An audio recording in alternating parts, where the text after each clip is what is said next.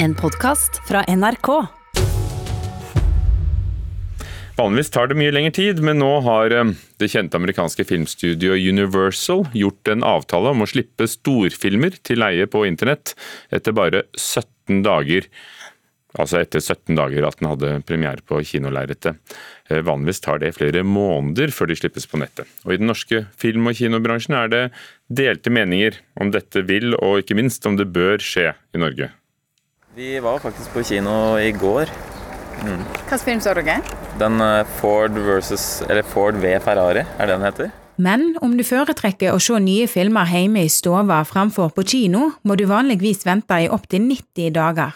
Men den amerikanske giganten Universal Studios har nå inngått en avtale med verdens største kinokjede AMC Theaters, som gjør det mulig å leie filmene digitalt bare 17 dager etter kinopremiere.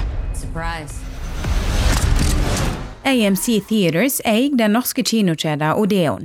Maria Ekerhovd, som er produsent i Merfilm, mener at film- og kinobransjen i Norge trolig vil bli påvirket av avtalen på sikt. Hun tror også at det kan være positivt. Vi ønsker at publikum skal få tilgang til filmene våre sånn som publikum ønsker å se de, og eh, er villig til å betale for de. Så det er klart at hvis man kan eh, få en eh, måte å, å selge film på i tillegg til kino som fungerer, eh, så vil jo det være fantastisk. Mellom 65 og 70% av inntektene til norske filmer kommer av kinovisninger. Administrerende direktør i bransjeorganisasjonen Film og Kino, Guttorm Pettersson, synes avtalen kom overraskende og er ikke positiv. Nei, jeg jeg, tror ikke eh, det er en god forretningsmodell, for å si det slik. Spesielt ikke i Norge, hvor, hvor spesielt norske filmer er avhengig av kinoinntektene. Og, og, det vil jo reduseres kraftig hvis man skal ha et såkalt vindu på, på bare helt ned i 17 dager, slik det har vært diskutert. Om Universal ønsker å leie ut filmene 17 dager etter kinopremiere, må leieprisen ifølge bladet Variety være på rundt 200 kroner, i stedet for den vanlige prisen på rundt 50 kroner. Blant folk på gata i Oslo er viljen til å betale for leiefilm samtidig som man går på kino, varierende. Foretrekker kino, egentlig. Jeg tror jeg også hadde kviet meg litt for å betale for å se en film hjemme.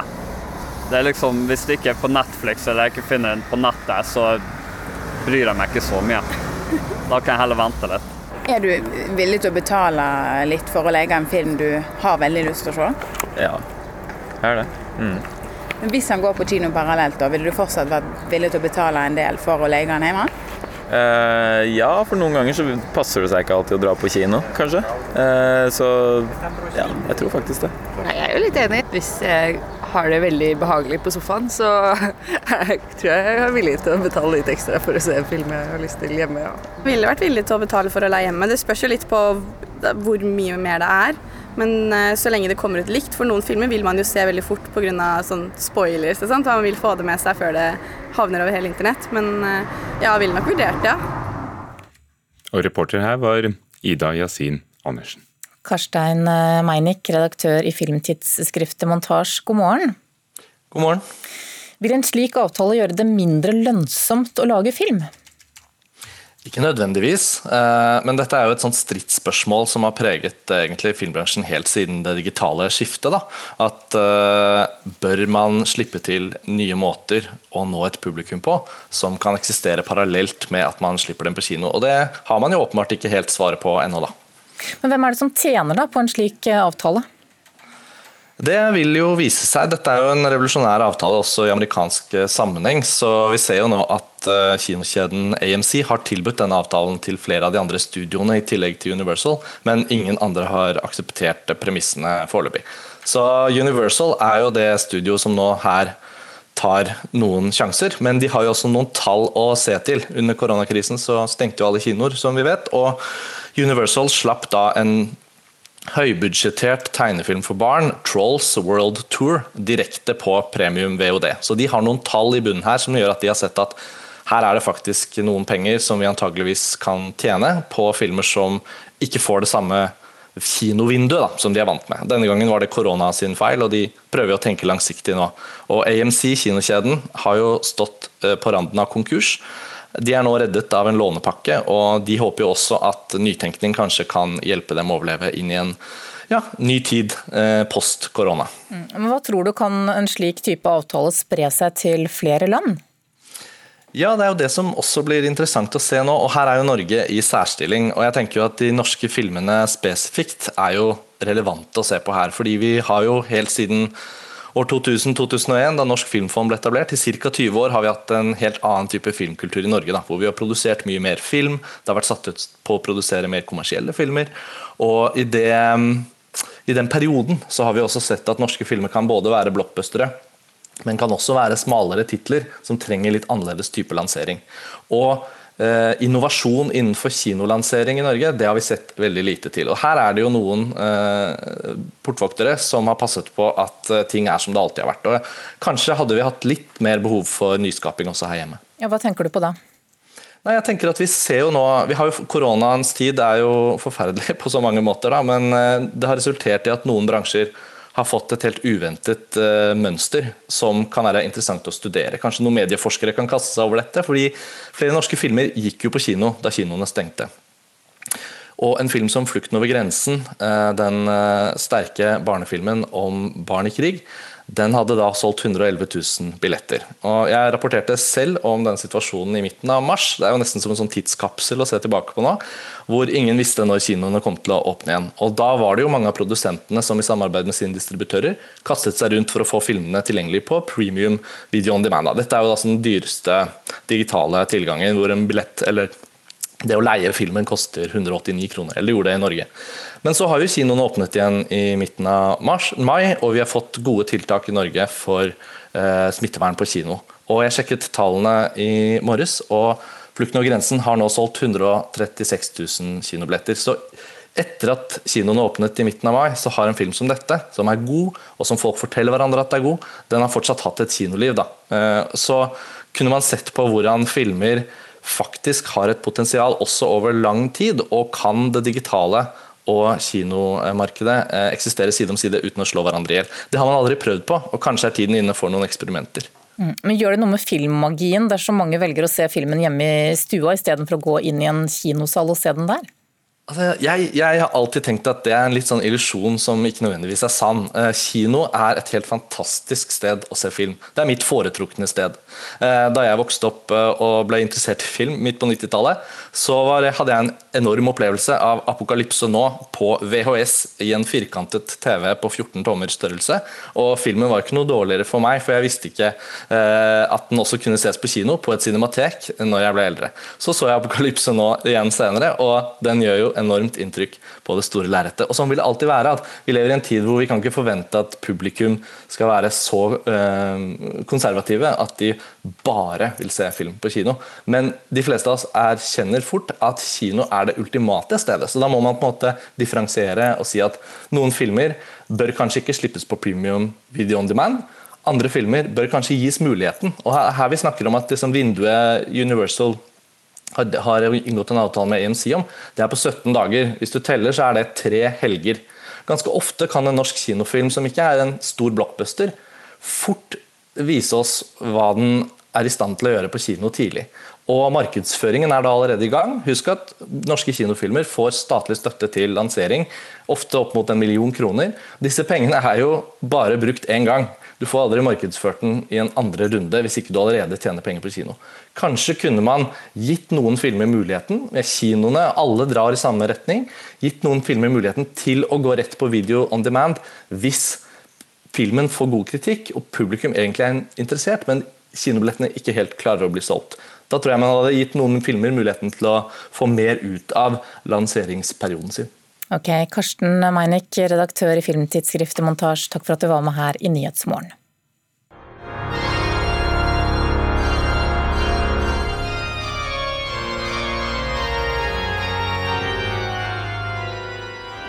Dette kunne ikke vært gjort i dag. Det ble spilt inn for 20 år siden nøyaktig, i juli 2000. Orgelmusikk av Olivier Messiaen spilte Olivier Latry på Notre-Dame-orgelet i Paris. Restaureringen av, av orgelet i katedralen eh, har begynt. Det vil ta nesten fire år. og Kulturreporter Henriette Bertheussen Isaksen, hvordan går de frem for å sette det i stand etter at det jo ble ødelagt i den store brannen? Jo, orgelet det må plukkes fra hverandre, rett og slett. Det må rengjøres, og så settes sammen igjen. Så ett år etter den katastrofale brannen i Notre-Dame har den enorme jobben starta. Hele arbeidet med å få orgelet tilbake til oppstand er jo da eh, venta å ta flere år. Det er ikke noe hvilket som helst orgel, dette? Nei, orgelet er Frankrikes største musikkinstrument. Og fremdeles når, restaure, når restaureringa er ferdig, er ikke hele jobben gjort. Da gjenstår det å få stemt det, som de mener vil ta seks måneder, ifølge den franske riksantikvaren som er ansvarlig for å restaurere Notre-Dame. Ifølge Johan Vekså, som faktisk spilte på orgelet under eh, kveldsgudstjenesten da brannalarmen gikk, er det et kraftfullt orgel, eh, men også med mye poesi. Det er nok det vakreste orgelet i hele verden, sier han. Og kan du minne oss på hva skjedde den, eh, den kvelden i Paris? Det var 15. april i fjor at den ikoniske Notre-Dame-katedralen brant. Brannen brøt ut i taket, hvor også spiret tok fyr og kollapsa sammen med større deler av taket. Den spredte seg også til et av de to tårnene. Men utrolig nok overlevde orgelet med sine 8000 piper den kraftige brannen. Problemet var at flammene dekka instrumentet i giftig blystøv, som nå må fjernes med stor eh, forsiktighet. Og selv om ikke orgelet brant, ble det skadd av en eh, varmebølge. I tillegg har det blitt påvirka av andre temperaturvariasjoner etter at eh, katedralen mista taket i brannen. Så hva skjer nå? Hva, hva gjør de? Først skal de fjerne tangentene, så skal pipene tas ut. Og bare denne demonteringsprosessen er venta å ta ut året. Delene fra orgelet skal oppbevares trygt i spesielle konteinere inne i katedralen, der rengjøringa og restaureringa skal foregå. Og når vet de det? Når kan vi høre det spille igjen? Den franske riksantikvaren forteller at eh, orgelet som ble bygd i 1733, vil bli spilt på en 16.4.2024. Takk, Henriette Bertheussen Isaksen. Så langt denne sommeren så har de norske artistene Emilie Nicolas og Sondre Lerche sluppet plater og fått gode anmeldelser. Og internasjonale artister som The Weeknd, Charlie XCX og Dua Lipas nye album har også preget eh, listene. NRKs kritiker Espen Borge mener at det har vært en god musikksommer. Nå har han hørt gjennom noen av de andre låtene som har fått mye oppmerksomhet de siste månedene, og ikke alle faller i god jord. Var i samma rum som dig utan att jag tappar andan Och varje gång du ser på mig känns som att mitt hjärta stannar den svenske fløtesangeren Victor Lexell har stått for en av sommerens aller største landeplager med sin monsterhit 'Svag'. Låta har over 70 millioner avspillinger på Spotify og har ligget 19 uker på VG-lista, de fleste som nummer én. I slutten av mai så fikk den enda mer fart på seg, for da slo Lexel seg sammen med Astrid S og laga en duettversjon av låta. For meg så er dette ganske forutsigbar og ufarlig pop, men et helt ålreit melodiøst refreng gjør at den egner seg både i klesbutikker og soundtrack til bilturen. Selv om jeg personlig ville nok aldri spilt den to ganger. Ternekast tre. But I still want that, yes,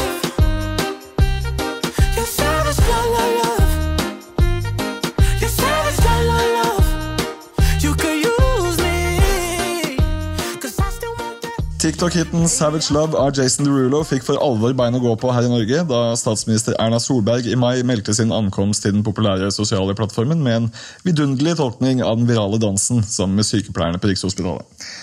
Selv om det er melodihooket som er blitt mest kjent, er det jo pakket inn av tre minutter platt og radiovennlig R&B av verste amerikansk sort. Og dette plagsomme makkverket kommer ikke til å vekke stolthet verken hos Jason Derulo eller verdens befolkning når vi ser tilbake på den om fem år. Ternekast én. I'm a savage. Bougie, ratchet. Okay. Sassy, moody, nasty. Yeah. Acting stupid. What's happening? What's happening? Bitch, I'm a savage. Classy, Nok en TikTok-slager som forvilla seg inn på sommerhitlistene på nytt etter at Beyoncé remixa den i april. En ellers eh, så enfoldig og klassisk trap-låt får seg ikke uventet et kraftig løft når en av tidenes beste artister får kloa i den.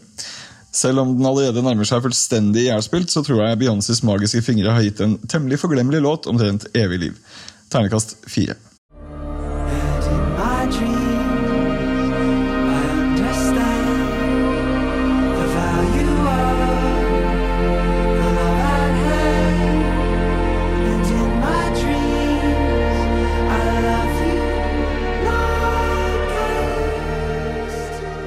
Skal jeg velge å anbefale en favoritt denne sommeren, må det bli fra Sondre Lerche, som slapp albumet Patience i juni. Den magiske og florlette låta Why Would I Let You Go var som skapt for lyse netter og storinnrykk til Helgelandskysten, og det ekstremt gjenhørvennlige refrenget ble en trofast følgesvenn hele sommeren for min del. Låta har kanskje ikke det hyppigste radiorotasjonen, men det er det ingen grunn til. Denne kommer til å holde stand i mange år til. Ternekast fem.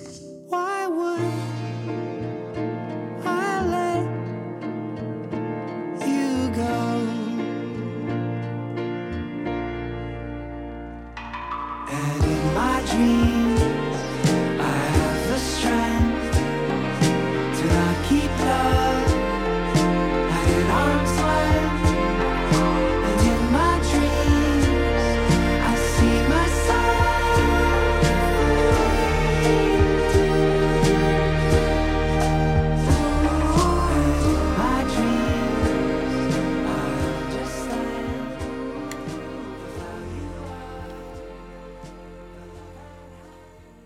Det var Sondre Lerche, det. Ja, med Why Would I Let You Go, som ble anbefalt som sommerlåt av musikkanmelder i NRK Espen Borge. Så kan du lese flere anbefalinger og anmeldelser på nettsidene våre. Ja, og ikke minst advarsler også, for det er jo slakt der også. Det er ikke bare anbefalinger. Nei, nrk.no skråstrek anmeldelser. Du har hørt en podkast fra NRK. Hør flere podkaster og din NRK-kanal i appen NRK Radio.